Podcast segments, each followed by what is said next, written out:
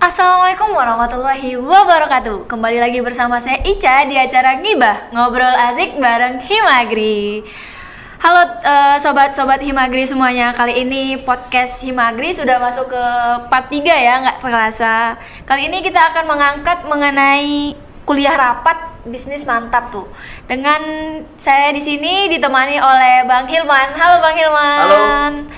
Em, Oke kita mulai saja ya. Ini kali ini kita pembahasan kita mengenai perkuliahan nih bang. Ah. Eh, menurut bang Hilman nih perkuliahan tuh apa sih atau kuliah itu eh, meliputi apa saja? Apa kita cuma dengerin dosen Ah, Oke. atau cuma ya kadang kan tidur di dalam Ya, kelas ya. tuh menurut bang Hilman tuh seperti apa? Ya sebenarnya kalau menurut saya eh, untuk kuliah tersendiri itu tergantung niat sih awalnya. Betul. Kalau boleh berbagi pengalaman, saya pertama kuliah ini pertama jujur kaget. Kaget ya mungkin teman-teman ya yang maba apalagi sekarang ya. Yang dulu baru masuk semester 1, kalian juga pernah ngalami pasti dari siswa ke mahasiswa yang jelaskan Betul. begitu. Kagetnya adalah tugasnya. Tugasnya kan berat banget gitu loh. Pertama, wah, tugas berat dapat nilai jelek, kita kecewa. Wah betul banget tuh bang. Nah dari situ orientasi saya berubah. Buat apa ya saya nggak ngejar nilai? Kalau ngejar nilai sesulit ini gitu loh. Ya betul tadi apa kata Ica tadi. Apakah kita hanya dengerin dosen kan begitu? Atau bagaimana ya seharusnya menurut saya sih kuliah itu harus happy sih.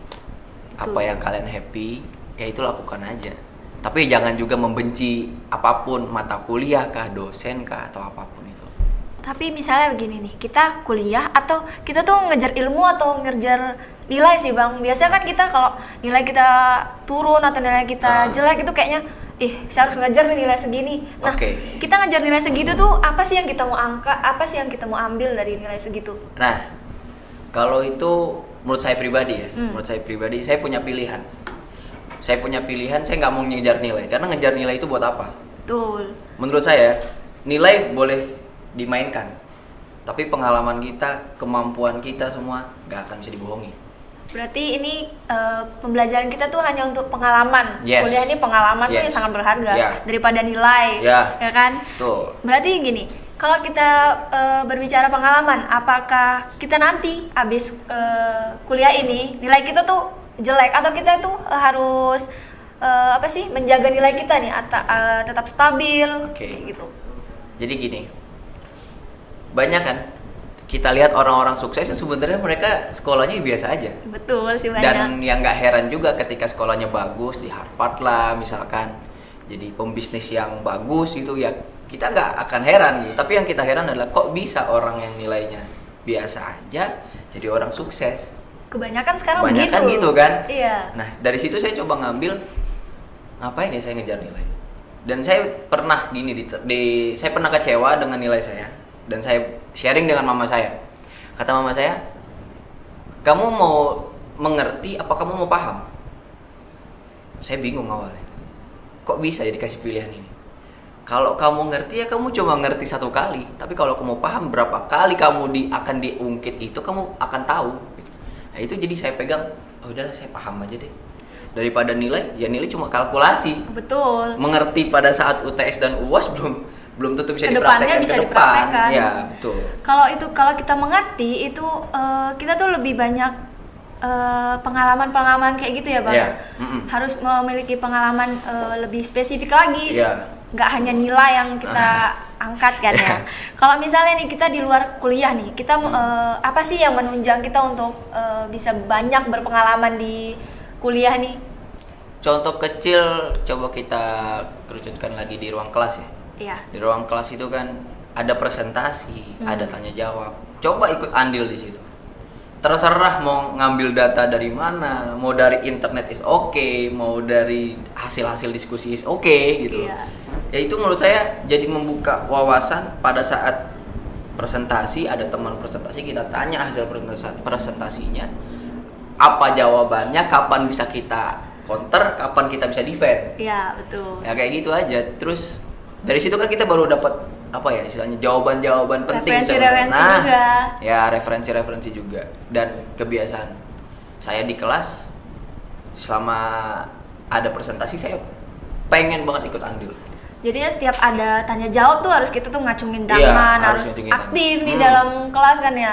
Terus tapi apa kita asal aktif aja gitu bang? Atau Nah, kita asal bunyi? Itu gitu dia aja. balik lagi tadi. Kalian mau mengerti apa kalian mau paham? Ah, betul. Dan pintar dan cerdas itu kan beda sebenarnya. benar benar benar. Pintar itu semua orang pintar, tapi nggak semua orang cerdas. Cerdas dalam arti dia bisa peka akan salah di mana gitu. Hmm. Kapan dia bisa jadi orang yang menyerang waktu ah, pertanyaan-pertanyaan itu kita lontarkan kan apa kita bisa orang yang jadi orang yang defense tuh menurut saya kalau cerdas itu pasti dia bisa ngolah semua itulah Bisa membolak-balikan Ya. pertanyaan dan dia bisa Mm-mm. tetap menjawab apa pun itu kan. Dengan kunci dia paham Dia paham, paham, dengan betul. materi apa yang disampaikan oleh temannya itu biasanya nih bang kan kak misalnya saya nih di Hmm. kelas nah misalnya saya presentasi nih biasanya ada temen yang dia tanya apa yang kita tuh kurang mengerti gitu Oke. itu tuh menjatuhkan teman atau kita tuh mengasah antara dia dan saya gitu Oke. ya ini sebenarnya banyak terjadi sih. Iya. Jangankan kamu ya, saya aja ketika saya tanya kadang teman-teman saya mungkin teman-teman Agri deh 2017 maafkan saya kalau kalian presentasi kalian ya saya juga sakit hati sih ketika saya ngacungkan tangan gak digubris gitu. iya kadang kayak gitu Iya. Jadi sebenarnya gini, kalau saya ya, saya senang ketika apa yang saya nggak tahu dipertanyakan. Otomatis, oke presentasi pertama saya gagal. Hmm. Di presentasi berikutnya saya harus lebih menggali apa ya yang harus kita Olah apa ya? lagi, apa ya, yang harus kita kita olah lagi, ketahui gali lagi. lagi gitu. Jadi itu sih yang kalau saya me- apa namanya merasakannya dari kesadaran itu semua presentasi setelah saya gagal sekali semakin baik semakin baik semakin baik. Jadi semakin lama kita bisa punya pengalaman dan Ya, mengasah lagi pengalaman benar, kita. benar. dan kalau kita pun eh, jadi teman tuh misalnya kalau kita mau ngajukin tangan ya sebenarnya nggak apa-apa aja Nggak apa-apa, gitu. it's okay aja. Semasi kita tidak menjatuhkan teman Yes. yang lain dalam arti menjatuhkan gini kan bukan berarti kita serang apa yang dia nggak ketahui tentang Ah, materinya ah, kan kalau apa yang kita nggak tahu kan kita Iya. pertanyakan. Tapi kalau menjatuhkan dalam arti menjatuhkan mungkin kita bilang dia bodoh. Hmm. ya itu menjatuhkan. Tapi ketika dia bilang tidak tahu kan ada dosen yang bakal akan apa istilahnya meluruskan. Meluruskan betul. Ya. Kalau misalnya ini kan bang Hilman ini juga aktivis kampus juga Hmm. organisasi juga aktif Iya. biasanya kan kuliah tuh dari Senin sampai Jumat tuh full nih bang gini. Oke, terus abis itu ada Praktikum, rapat ya. lagi, praktikum belum. itu tuh gimana sih cara manajemen waktunya Bang Hilman tuh? Oke, sebenarnya kuliah itu kan kewajiban ya, Hmm.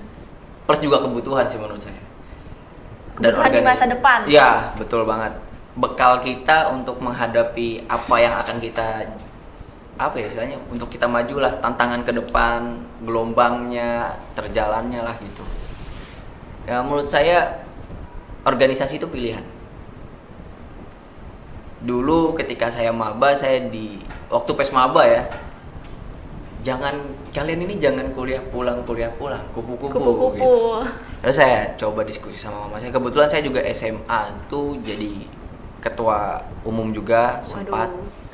Jadi sempat itu saya ragu ketika mau bergabung organisasi karena dulu begitu sibuk dan orang tua juga akhirnya apa ya istilahnya ya nggak merestui lah karena pulang malam berangkat lagi pagi pulang malam kadang waktu itu punya program di bulan puasa program keagamaan lah itu sahur di tempat buka ya di tempat lagi jadi di rumah ya paling cuma Ya numpang istirahat, istirahat. terus sama yang mungkin ngobrol-ngobrol sedikit, buka puasa ya cabut lagi. Gitu. Dan dari situ saya coba tanya sama mama saya dan untungnya saya cuma dititip pesan jaga diri, jaga kuliahmu, tanggung jawab. Gitu. Nah dari situ tantangan lagi nih, tantangan lagi. Tadi ditanya lagi manajemennya bagaimana? Nah, Ya kalau buat saya, apa yang kalian jadikan kebutuhan dulu sih? Apa yang kalian jadi kebutuhan dan apa yang kalian jadi kewajiban? Kewajiban misalkan kita kita merasa oh kuliah ini wajib, ya sudah lakukan. Jangan pernah tinggalkan kewajiban. Betul. Tapi kalau kebutuhan, oh saya kuliah wajib nih, tapi saya belum bisa misalkan di presentasi, saya belum punya public Public speaking yang speaking. bagus. Public speaking yang bagus, ya otomatis saya harus cari tempat lain. betul. Ya organisasi bisa jadi lahan. Tapi sebenarnya balik ke lagi tergantung diri sendiri. Ya kalau saya mungkin ada teman-teman maba di sini jangan pernah takut dengan pilihan. Berarti pilihan. eh, berarti tidak semua mahasiswa punya pilihan. Iya, saya akui itu. Betul. Berarti kalau misalnya semua mahasiswa tidak punya pilihan, Hmm. berarti tidak semua mahasiswa nih memiliki pengalaman-pengalaman yang mereka tidak dapat di dalam kelas. Misalnya Iya. organisasi. Hmm. Setiap orang kan punya eh, punya pengalamannya masing-masing. Iya. Kita nanti bisa berkontribusi satu sama lain, bisa sharing. Hmm. Ah. Nah, seperti itu. Mungkin misalnya di dalam satu organisasi pernah nggak Bang Hilman tuh rasa jenuh nih? Oke. Jadinya, aduh, misalnya di awal-awal nih kan, Ah. di awal awal eh, organisasi nih, eh semangat banget nih, Ah, apalagi di- sampai di pertengahan. Iya. Nanti dari pertengahan sampai akhir, ya udahlah yang lain aja Iya, gitu. oke. Pernah nggak ngerasa seperti itu? Pasti, pasti pernah. Karena kalau ya nggak beda jauh dengan kuliah ya. Kita punya ego sendiri, kita Yap. juga punya keinginan sendiri. Yaitu kita punya keinginan yang kadang nggak bisa mengontrol kita, apalagi kalau mood sudah ngawur ya. Betul. Nah kalau pengalaman saya pasti ada karena kuliah dan organisasi ini memakan waktu yang jelas. Memakan waktu ngatur lagi, aduh gimana nih, jangan sampai kuliah bolong juga. Iya juga Karena sih. saya pernah waktu semester 4 itu kebetulan masih jadi anggota. Pada saat itu ada mata kuliah eh, manajemen agribisnis. Hmm. Dan dosennya itu wali kelas saya sendiri, Ibu Fani. Ibu, mohon maaf Ibu. Halo Bu Fani. saya eh, waktu itu lagi ngurus sebuah acara besar, sebuah acara besar dan nggak sengaja saya sakit. Pada saat itu, setelah saya presentasi saya sakit, tidak masuk satu kali sama Ibu Fani di mata kuliah. Mata kuliah Bu Fani. Dan saya dapat kabar dari teman saya, Man kamu dicariin Bu Fani. Kenapa? Kan saya sudah ngasih surat sakit. Sakit. Saya dirawat di RSUMM. Katanya kamu jangan organisasi terus. Saya ingat-ingat lagi ternyata waktu itu presentasi saya mengangkat tentang eh, apa namanya pembangunan yang infra, pembangunan infra- apa perkembangan infrastruktur. Nah di situ kan banyak video-video yang bisa kita ambil jadi bahan ya untuk referensi, referensi. ah, referensi bahwa memang lahan pertanian ini itu lagi gencar-gencar banget isu per, apa pengalihan lahan ya, Betul. lahan fungsi lahan. Yang nggak tepat menurut saya karena di situ fakta-faktanya banyak yang eh, sawah-sawah yang masih produktif Hmm. dibangun jalan tol. Benar-benar. Nah, pada saat itu saya nggak sengaja saya bilang sama teman-teman dan melalui, pengalaman saya sendiri sih kita kok jadi anak pertanian kok kayaknya malu banget gitu. Kenapa Iya tuh Bang sih? malu? Coba kalian bersanding dengan intinya keluarga kalian lah yang dia lulusan teknik, Hukum, hukum dan psikolog. psikolog ya punya istilah jenjang karir yang bagus gitu sudah lulus punya jenjang karir yang bagus ngapain kalau jadi anak pertanian kan cuma nyangkul Nah, Nah, kan? banyak tuh seperti itu tuh. padahal dia nggak tahu kita tuh anak agri Heeh. kita tuh bukan hanya pertanian tapi kita juga bisnis di pertanian gitu Nah, benar. ya selalu saya saya bilang ke teman-teman kalian kok malu Oke kalian digitukan sama orang teknik yang dulu yang bikin ngecor-cor lah ya kan aspal dan lain-lain kalian suruh aja mereka makan itu kalau mereka ngejelek-jelekin kita Benar juga sih. Iya Kali kan? mereka ngemakan aspal. nah pada saat itu setelah saya presentasi ibunya bilang bahwa suaminya almarhum suaminya Ibu Fani ya Iya. ah, saya juga turut berduka Turut cita berduka Ibu. cita untuk Bu Fani dan juga Iya. ayahnya Bu Fani. Iya betul. Ternyata almarhum suaminya Bu Fani itu eh, bisnisnya aspal gitu. Oh. Jadi dia kontraktor aspal Hmm. gitu. Jadi saya gak enak juga kan dari situ heboh lah. Dan setiap ada saya presentasi itu apa istilahnya? Kisruh. Bisa dibilang kisruh karena saya terus counter terus teman-teman Ah. yang presentasi. Oh ini ini salah loh. Saya dapat dapat infonya begini kalian dapat dari mana gitu. Iya, harus jelas nih infonya Iya. dari mana ya kan. Jadi saya sampai segitunya dan akhirnya dicari sama Bu Fani. Pengalamannya sih itu sih. kalau misalnya kita nih agribisnis kan, banyak sawah-sawah sekarang nih yang seperti Bang Hilman bilang sawah-sawah diubah Hmm. jadi aspal. Nah, ini Hmm. kenyataannya nih di Malang nih, di Hmm. dekat kita. Sawah-sawah banyak dibuat kafe nih, Bang. Nah, Nah, menurut Bang Hilman nih gimana ya? Sebenarnya Oke. bagus aja nih kan marketingnya lebih tinggi. Bagus. Tapi kebanyakan sekarang sawah-sawah itu diubah jadi bisnis-bisnis yang ya sekarang lagi booming boomingnya Iya, kafe ya, Hmm. larinya ke kafe. Kalau menurut saya balik lagi kesadaran. Karena apalagi di bisnis ya, satu Hmm. satu sub bisnis yang lagi gencar-gencarnya, lagi trending-trendingnya atau lagi viral-viralnya atau lagi sedang digemari oleh masyarakat, pasti itu akan diikuti. iya juga Dan- karena itu udah tradisi Indonesia apa Nah. yang lagi booming ya itu ya, itu diikutkan ikut ikut ikutan jadinya. Apalagi dia punya uang kan. Nah. Dia punya uang ya udah sikat aja. sikat gitu. aja yang penting income-nya tuh lebih Nah, itu tanpa me- dia melihat, oh ya kalau saya bangun di sini, saya makan apa ya? Berasnya nanti dari mana? ya? Apa saya harus impor? Iya. Kan gitu. Dampaknya ke lingkungan lagi Nah, dan itu sih sering dibahas dulu ya waktu saya kuliah awal-awal sebelum di bawah semester semester 3 atau semester 5 lah sama Pak Ari. Itu Pak Ari sering ngangkat di mata kuliahnya mau di kewirausahaan Usahaan. ataupun ya yang mata kuliah yang lain dia selalu bangun itu pengalihan fusilahan yang sebenarnya kita jadi pengusaha juga harus apa, memikirkan apalagi kan anak agri gitu Iya. loh, anak pertanian ya harus memikirkan lah intinya meski kalau saya sih berpandangan ketika saya punya lahan satu hektar dan itu pun sawah mungkin hanya beberapa persen yang saya bangun gitu. bangun kalau misalnya gini bang kita kan ini anak agri ya biasanya kamu nih mau lulus mau jadi apa mau jadi nyangkul mau jadi eh, bajak sawah gitu Iya, kan iya, oke. ya sebenarnya perkataan-perkataan itu yang buat kita iya ya saya mau jadi sebenarnya nih di awal kita Ah. maunya jadi eh, petani muda nih Iya, Nah, oke. eh, dengan adanya kata-kata seperti itu kita bilang ya deh ngapain deh jadi anu jadi nyangkul kan itu lebih baik masuk ke bank-bank konvensional seperti itu Atau jadi karyawan biasa ya? nah, itu tuh apa sih yang membuat eh, orang-orang tuh berasumsi seperti itu ya kalau menurut saya mungkin bukan bukan buat agri aja sih sebenarnya banyak kasus-kasus yang saya lihat dalam keluarga saya juga begitu ada yang lulusan eh, apa lulusan manajemen dia yang nggak di ditempatkan nggak di situ juga sih sebenarnya. Malah ada yang jadi sales. Duh, manajemen jadi sales. Jadi sales. Tapi banyak juga yang memang satu alur gitu. Satu alur. ya balik lagi nggak semuanya seperti itu sih menurut saya. Saya juga awalnya saya nggak nggak pernah mau masuk agri kenapa bang? Kenapa nggak mau masuk agri gitu? Nggak ada di pikiran saya mau masuk agri. Kayak dulu tuh mau masuk kesehatan masyarakat. Waduh. karena saya nggak apa istilah nggak percaya diri untuk ngambil kedokteran akhirnya saya ngambil kesehatan masyarakat nggak keterima. Pada akhirnya mama saya yang rekomendasikan coba kamu baca-baca agribisnis dia untungnya saya punya orang tua dia terbuka dengan apa namanya isu-isu yang ada gitu. Kata dia "Per- pertanian ini bagus loh kak. Nanti kamu bakalan begini begini begini begini. Oh iya kak.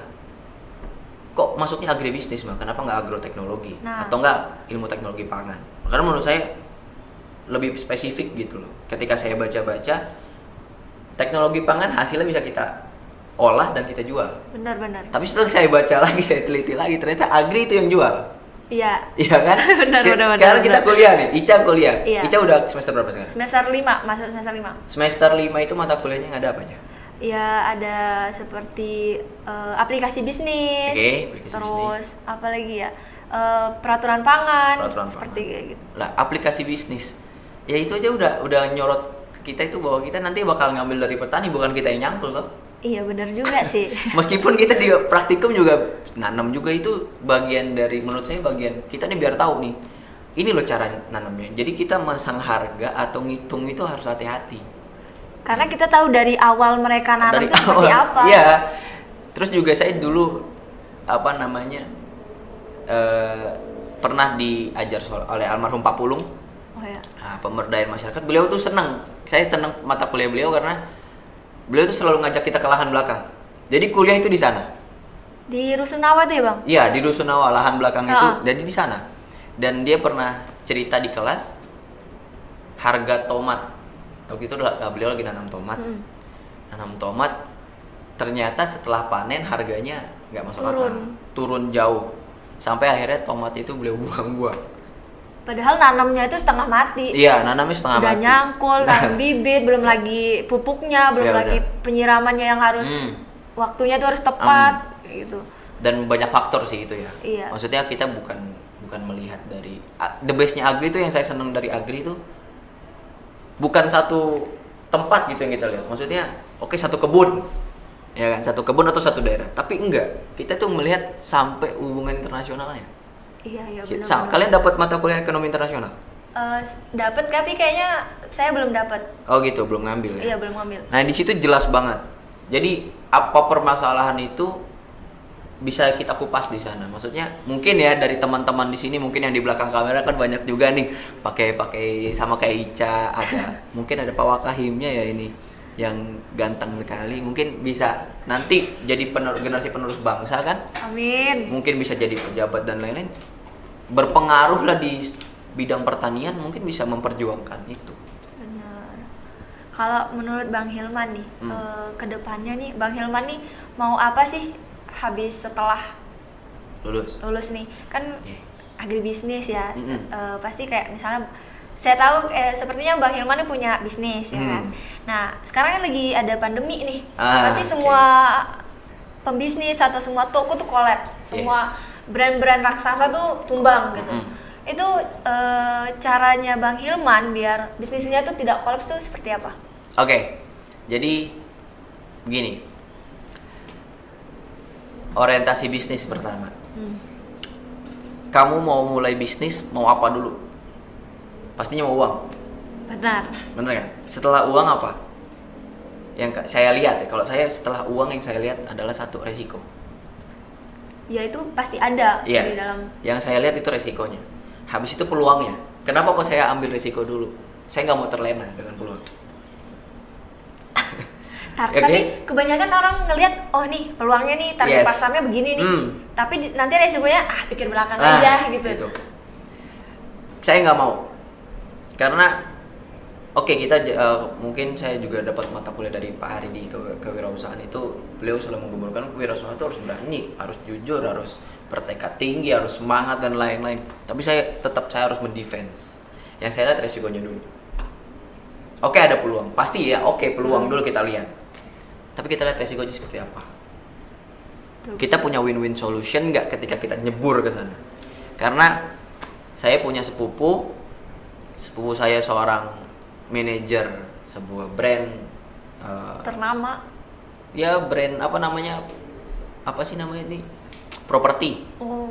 dia manajer pemasarannya kalau nggak salah seluruh Indonesia. Dan dia plus punya bisnis di properti. Dia bilang sama saya kalau kamu mau apa namanya mau bisnis nyebur ke jurang ya jurang. Dalamnya ada racun ya kau tegak racunnya. Tapi kalau dalamnya madu ya kau ambil kau nikmati jadi oh segitunya ya bisnisnya gitu. Oke menurut saya saya belum terlalu banyak gitu kan. Saya mulai bisnis pertama. Sebuah kejadian yang enggak Terduga. terduga banget. Saya kenal seseorang dari teman saya sendiri. Kebetulan dia jualan parfum. Yang dulunya dia jual apa namanya eh counter HP elektronik handphone Casan, laptop, ya gitu gitulah dan dia orang terkenal di kota Jember. Daerah Siapa tuh, Jember. Bang? ada teman saya kebetulan saya kenal dari teman saya. Jadi teman saya ini dulu langganan sama beliau. Nah beliau itu pindah haluan ke parfum ada di Malang. Akhirnya saya diajak sama teman saya untuk ngobrol-ngobrol sama dia. Cocok dan akhirnya beliau minta bantuan ke saya. Karena baru buka kan? Baru buka dan saya punya peluang di kampus gitu kata dia saya punya peluang di kampus coba jualin oke saya juga lagi butuh uang juga gitu pada saat itu Kenapa Bang Hilman tuh langsung oke gitu? Biasanya kan orang kalau baru kenal tuh, eh ini ini jangan-jangan gini nih, ini Nah, jangan-jangan iya. gini nih. Oke. Itu tuh kena kok bisa langsung oh iya nih oke, ya udah ikut aja gitu. karena dia nggak nggak ngambil modal dari saya saya nggak bayarkan modal dulu jadi ketika barang itu berhasil saya jual saya reseller Oh, jadinya tinggal kita dropship dulu. Iya, dropship. Betul. Dan pada akhirnya ketika saya kan parfum itu diracik. Yap. Parfum itu diracik. Masa iya sih yang punya parfum pertama mau bocorin campurannya apa? Juga. Takarannya berapa-berapa atau nanti dia nge-mix berapa-berapa. Kebetulan saya di parfum ya. Hmm. Akhirnya apa namanya otodidak sendiri. Oh, ini yang bagus sekian sekian sekian sekian. Itu bahan-bahannya Bang Hilman tuh minta dari situ atau eh, beli sendiri untuk eh, belajar nge-mix? itu beli. Nge-mixnya beli. Mixnya nge- ngebeli akhirnya punya oh ya udahlah kalau misalkan. Jadi dia dia matoknya gini. Oke ada bibit bibit sekian kau ambil berapa nanti hitung hitungan sekian. Jadi saya sudah tahu oh saya kalau ngambil bibit sekian campurannya sekian botolnya yang ini saya dapat modal berapa dan saya akan jual berapa Berarti udah di rank-rank dari Ya, awal. udah di rank-rank dari awal. Dan saya membuka jasa delivery. Itu yang saya lihat peluangnya. Tanpa saya lihat saya mau untung 5000 saya mau untung hanya 10000 Mau yang penting dia ada di Malang, saya antar. Berarti kita eh, gini, Bang Hilman tuh cari yang penting cari konsumen dulu. Iya, Nanti awal kalau udah jadi pelanggan itu bakal datang Balik lagi. lagi. Karena saya percaya ke- saya ketika mau mulai sesuatu, saya mau itu benar-benar tahu. Apalagi bisnis. Dulu saya pernah bisnis yang lagi viral-viral dulu itu tahun-tahun 2014 sampai 2016 lah. Itu batu cincin. Ah Ingat iya. nggak? Ah, ya, Betul, lagi- lagi orang-orang sampai beli sampai full di tangan-tangannya tuh kan. itu itu saya juga main dulu tapi pada saat itu saya diberitahu oleh sepupu saya bahwa itu nanti akan turun saya bingung kok bisa kak padahal dulu saya beli sekian saya jual bisa tiga kali lipat lima kali Nah. lipat dan untungnya itu gila-gilaan Ca.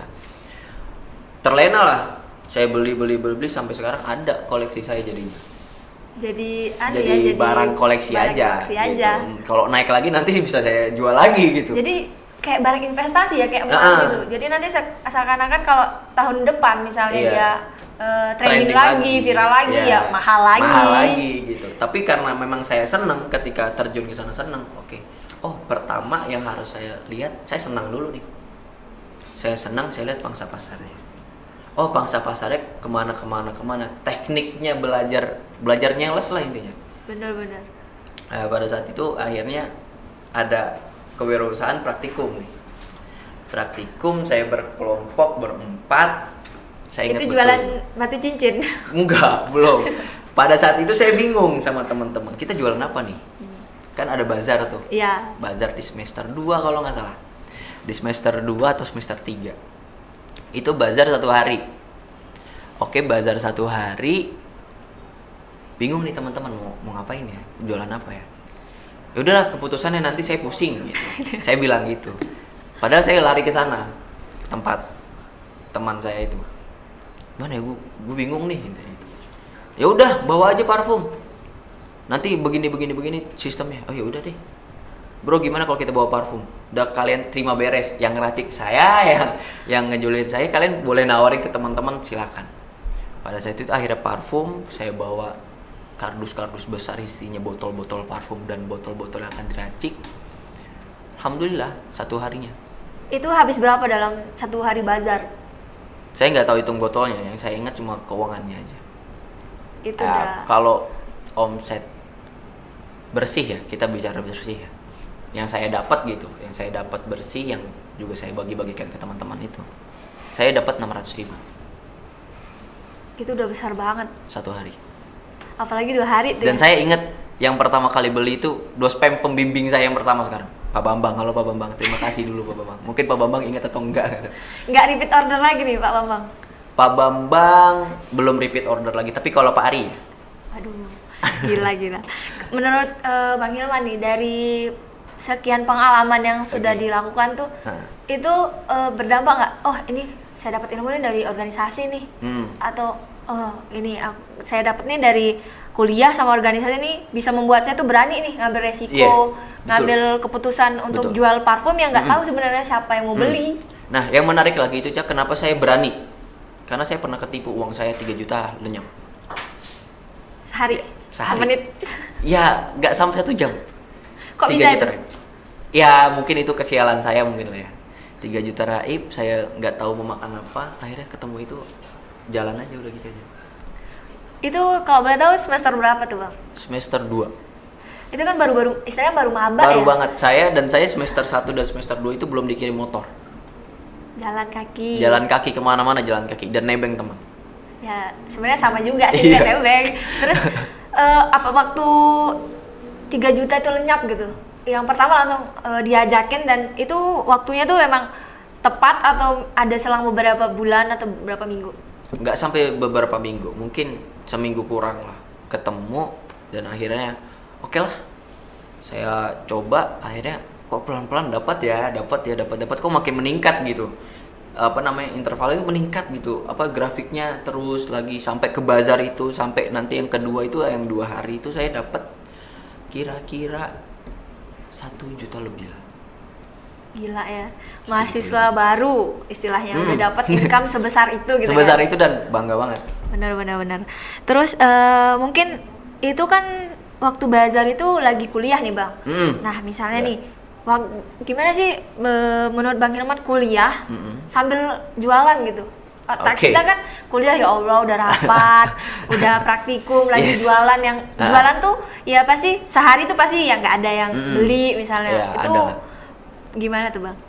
karena saya ngambilnya delivery ya maksudnya eh, ngatasin itu dengan delivery ya udah kuliah misalkan selesai jam 2 ada pesanan hari ini saya kalau kuliah nanti selesai jam 2 saya kirim lagi nanti jam 3 saya kirim karena saya butuh waktu buat ngeracik saya butuh pack packingnya dan saya akan Ngantar lagi.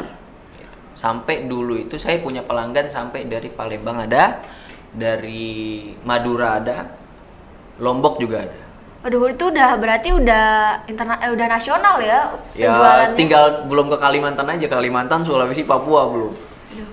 Tapi itu misalkan eh, ada ongkirnya nih bang. Mm-mm. Nah, apakah customer customer bang Hilman nih bilang, aduh, misalnya dari Kalimantan nih, Nah. kan mahal banget tuh bang dari Jawa ke Kalimantan. Iya. Itu cara ngomongnya tuh seperti apa? Eh, cara ngomongnya ya mungkin bisa kita akalin lagi dengan hitung-hitungan kita lagi kan. Misalkan belanjanya sekian, ordernya misalkan 30 apa ongkos kirim 30.000 ribu. Hmm. Satu yang bisa kita ambil dari kemasan. Kemasan tuh kita bikin seramping mungkin supaya nggak kena dimensi kan. Oh, benar. kalau ekspedisi gitu terus juga bisa lagi kita pancing dia itu jadi keuntungan lagi Berarti harus pintar-pintar kalau ngomong misal gitu juga iya ya? pintar-pintar ngomong bener merayu lah intinya Nah, iya. merayu banget kalau kamu cuma beli 5 sayang banget nih kalau kamu beli 8 kamu free ongkir Aduh, itu emang kayak omongan-omongan orang eh, Racun lah ya. kan ya. Ya, kayak Omongan-omongan gitu. buaya tuh, Mm-mm. seperti itu.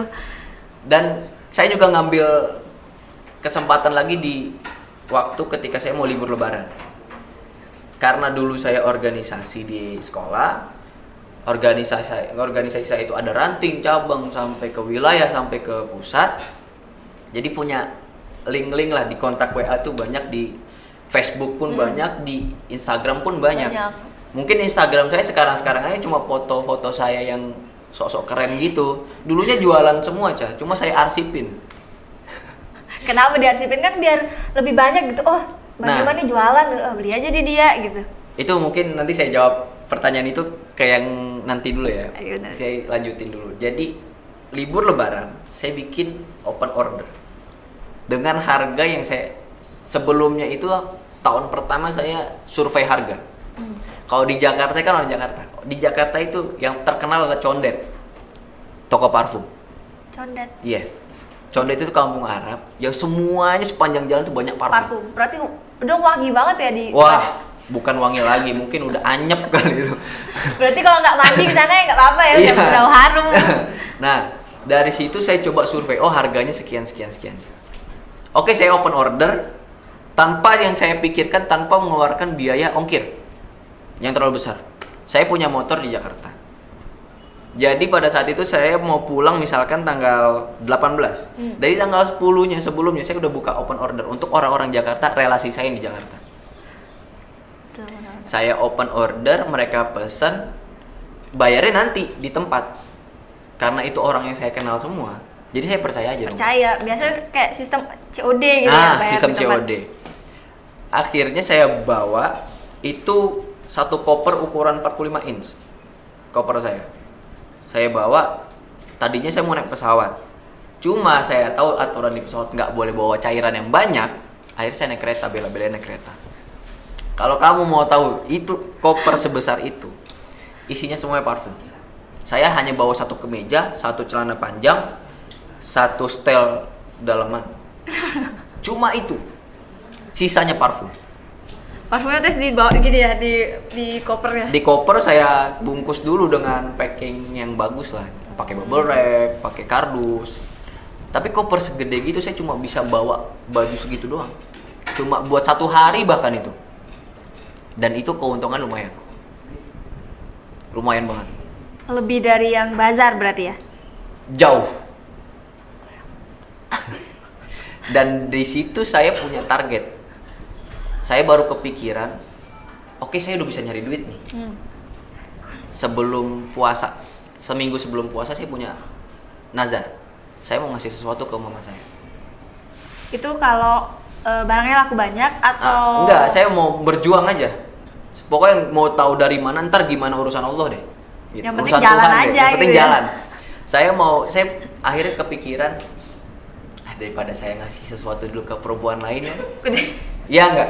Ini buat cowok-cowok nih. Ini bener banget keberkahan orang tua, bener banget. Kalian ada mau tandingan- tandingannya Nggak ya? ada tandingannya, apalagi ibu ya. Nabi aja bilang tiga kali ibu, ibu, ibu. Itu subhanallah. Satu minggu sebelum eh, puasa, saya punya kepikiran, ah, saya mau ngasih ah ke mama saya. Sempet bingung tuh, Cah. Mau ngasih saya, apa? Ah, sempet bingung. Mau ngasih tas nanti dia rusak. Ya udah akhirnya saya kasihkan cincin emas. Mau berapa gram pun saya sikat. Jadi saya di situ, oh ini kurang nih, masih kurang nih, uangnya masih kurang nih, masih kurang, masih kurang. Sampai puasa saya bela-belain. Saya bela-belain buka puasa di masjid. Supaya saya nggak punya biaya kos untuk beli makan. Sumpah, saya masih kayak gitu. Jadi misalkan saya buka puasa makan kan. Terus malamnya pasti kita makan lagi kan. Mm. Sahur saya cuma minum susu sama air putih. Saya nggak pernah sahur makan. Akhirnya saya untuk meminimalisir pengeluaran ini saya ngalahin satu, saya ke masjid. di masjid dapat makan. Di masjid dapat makan, dapat kurma, dapat teh, dapat segala macam. Mungkin saya beli nggak akan mampu. Benar juga sih benar-benar. Akhirnya di situ saya genjot lagi penjualan sampai Hamin dua Lebaran saya di Jakarta saya belikan. Dan mama saya kaget, kamu nggak ngepet dari mana? Bayangin, anak udah bisa cari uang, dibilang kamu ngepet dari mana? Kaget dong. Kaget. Dikasih emas. Kaget. Tapi saya juga insecure juga karena disandingkan sama cincinnya dia yang dia beli dari Saudi waktu dia umur. Dan kata mama saya, mama lebih bangga cincin yang ini loh.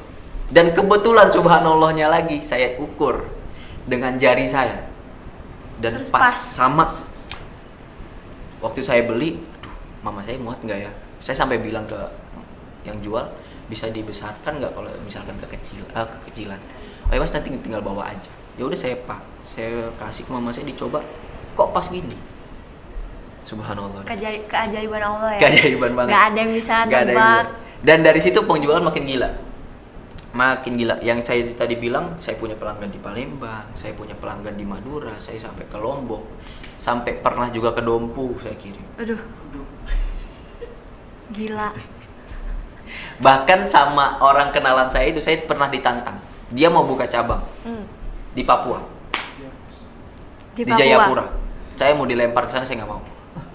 Kenapa nggak mau nih bang? Kan pasti peluangnya tuh pasti dia udah riset nih. Pasti, pasti peluangnya besar banget. Nah, kenapa nggak diambil gitu? Jauhnya. Ini jauh dari orang tua atau jauh ongkosnya dari ongkosnya itu loh kita ke Jayapura itu mungkin Bu Livia bisa cerita lah nanti Iya. Ya kan? ongkosnya itu yang saya pikirin kalau terjadi sesuatu yang urgent gitu loh menurut saya yang bikin saya mungkin susah nanti pulang Oke, udah lumayan lama ya kita berbincang nih. Iya, oke. Mungkin dari Bang Hilman nih, hmm. apa sih motivasi untuk mahasiswa untuk di luar sana eh, biar bisa membanggakan orang tua lah. Yang pertama niat sih. Niat. niat. Kamu mau niat karena gini membanggakan orang tua. Oke lah babnya itu. Saya punya sepupu apa pun bisa dia beli. Apa pun ya apa pun dia bisa beli. Sampai dia liburan ke Eropa tuh dia bisa. Keliling Eropa tiap dua tahun sekali tiga tahun sekali. Bahkan ada konser apa pun di Singapura mau di Dia datang ya? Itali mau di mana dia datang. Bahkan ke Maldives dia bisa. Tapi yang pertama saya bikin saya punya niat yang berbeda semenjak dia bilang gua kayak gini orang tua gua udah nggak ada. Ketika orang tua gua ada gua masih menitik karir gua. Gua masih ngerepotin dia masih minta biaya sekolah dan dia belum bisa ngasih apa-apa. Gila sih. itu yang pukulan paling paling berharga buat saya. Pukulan paling berharga dan akhirnya dari situ saya pindah orientasi. Oke saya mau ngasih sesuatu ke mama saya. Akhirnya ayah saya cemburu. Kok ayah nggak dikasih? Akhirnya saya nabung lagi dua kali dong. Berarti ini buat ayah nggak nggak niat dong ya? Karena udah Ya, ditanya dulu udah baru. ditanya duluan. oh iya oh iya ayah ntar ayah ntar. Gitulah. Akhirnya ya kesampaian juga sih dan dari situ mulai banyak keajaiban-ajaiban yang lainnya sih. Oke, eh, mungkin dari teman-teman yang nonton YouTube nih, ada pertanyaan nggak untuk Bang Hilman? bisa ditanya ya. Bisa ditanya nih. ini lebih podcastnya Deddy Kobuzer. Deddy Kobuzer gak nyediain pertanyaan pada podcastnya. Ya itulah tolong saya. perbedaan kita. ini di belakang kamera cengangas cengingis aja ya Allah ada? Ada pertanyaan? Ntar kita tunggu. Oke. Satu dua pertanyaan dari teman-teman yang di YouTube. Oke. Buat Bang Hilman nih. jangan yang ngaco-ngaco ya guys. Guys kayak youtuber lama aja gua.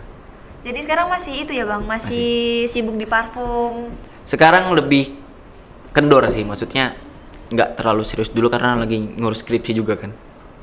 Kalau boleh tahu nih, sekarang lagi sibuk skripsi, skripsi kan ya? iya oke skripsi ya Saking excited excited kan ya? oke Lagi di skripsi, pasti lagi udah sempro nih.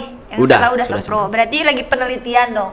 lagi ya uji-uji aja uji-uji data Nah, eh, kalau boleh minta saran nih buat Oke. misal nih teman-teman yang eh, kakak tingkat yang semester 7 mungkin nih bisa dikasih tips nih cara dapetin eh, judul tuh kayak gimana sih terus oke da- eh, buat motivasi nih buat teman-teman yang semester 7 Oke. gimana eh biar kita tuh nggak ngambil pusing gitu skripsi gitu Hmm. ya jalanin aja gitu. Oke. Kalau kalian nggak mau ngambil pusing, kalian gak usah hidup. Karena hidup itu pusing. Oke, tipsnya yang pertama, kalian mau apa dulu? Mau di apa? Mau apa nih? Konsep besarnya apa? Kalau saya waktu itu kebetulan saya berpikir preferensi konsumen. Hmm.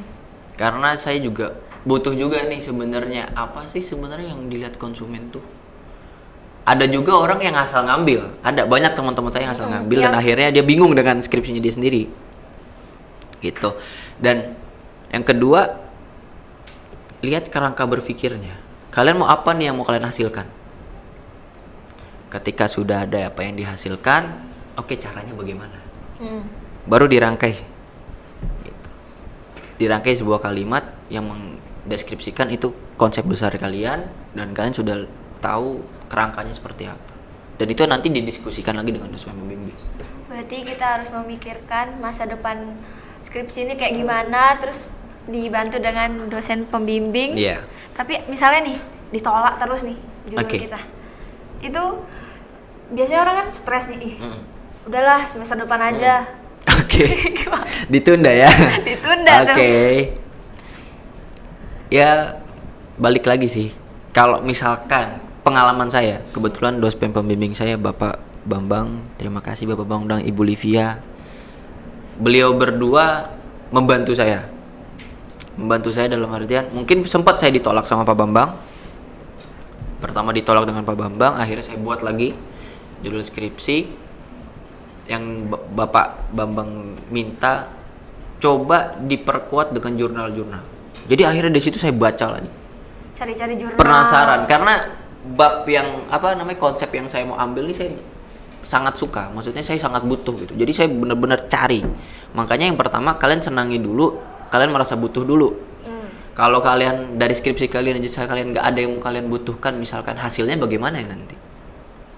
Itu kalian nggak akan ya istilahnya ya berat juga ngejalanin tapi kalau ketika kalian butuh nih mau 6 jam 6 jam kayak serasa satu jam Kalau kita udah fokus ngerjain tuh Iya. kayak kurang aja Mm. waktu gitu ya, Bang. sampai laptop saya jebol Jebolnya kayak gimana tuh, Bang? mainboardnya konslet karena terlalu saya forsir jadi sempat satu bulan saya vakum skripsi dulu akhirnya saya ganti laptop Oke, ini ada pertanyaan nih Bang dari Oke. teman-teman di YouTube. hmm. Dari Bang Miftahul nih. Miftahul oke Bang, kapan punya rencana untuk ikhtiar berwisa- berwirausaha dengan doi nih? Waduh. Kapan? Kalau berwirausaha dengan doi, doinya siapa ya? Dialah pokoknya. Belum ada kepikiran. Tapi ada rencana, memang ada rencana. Ya mungkin ngumpulin modal dulu kali ya, biar nggak minjem-minjem di bank. Bunganya gede banget soalnya. Kalau minjem di bank. Begitu ya Mas Miftahul Khairi ya? Oke. Oh gitu. Masih lama lah Eh, itu. Next untuk dari Mbak Natasha. Bang, Oke. gimana caranya agar usaha tetap konsisten dari Ah. awal sampai akhir? Kadang kan ada nih masa males. Oke. Eh, terus apalagi saat pelanggannya tuh menurun. Itu gimana, Bang? Lihat uangnya. Kalau saya gitu, membangkitkan semangat saya dengan lihat uangnya. Ah sedikit nih uangnya, apain lagi ya? Modif lagi nih. Modif lagi nih, ngapain lagi ya? Jangan sampai kan kita juga punya keinginan kan, jalan-jalan, nongkrong, Ngopi. atau ngopi lah ya kan, atau mau ke mana-mana lah intinya. Gimana kita mau ke sana kalau kita jualannya nggak nggak semangat? Iya, iya benar. Lihat uangnya, Mbak Natasha lihat uangnya Mbak. Jangan Jadi lihat harus yang jadi lain. mata duitan ya. Nah, harus. Ijo itu penting. Tapi yang merah. Yang saya, mau- merah saya ya. maunya yang merah. Merah tebel gitu. Merah tebel ya kalau bisa lima gepok. Aduh. Tapi susah sih dapetin segitu. Anu aja, Bang. Apa apa sih? Ngepet. Janganlah. Jangan. Janganlah itu bukan modern banget itu caranya. Oke. Bobol bang gimana? Masuk penjara, Bang, Oh nggak iya. jadi kuliah. Nggak jadi kuliah ya. Janganlah, jangan maling-maling lah. Oke, mungkin aja. itu saja. Oke, terima kasih sip. buat Bang Hilman dan Oke. terima kasih buat teman-teman yang ada di YouTube. Semoga apa yang kita lakukan ini berkah. Amin. Wabillahi taufiq wal hidayah. Wassalamualaikum warahmatullahi wabarakatuh. Saya Ica, mohon pamit.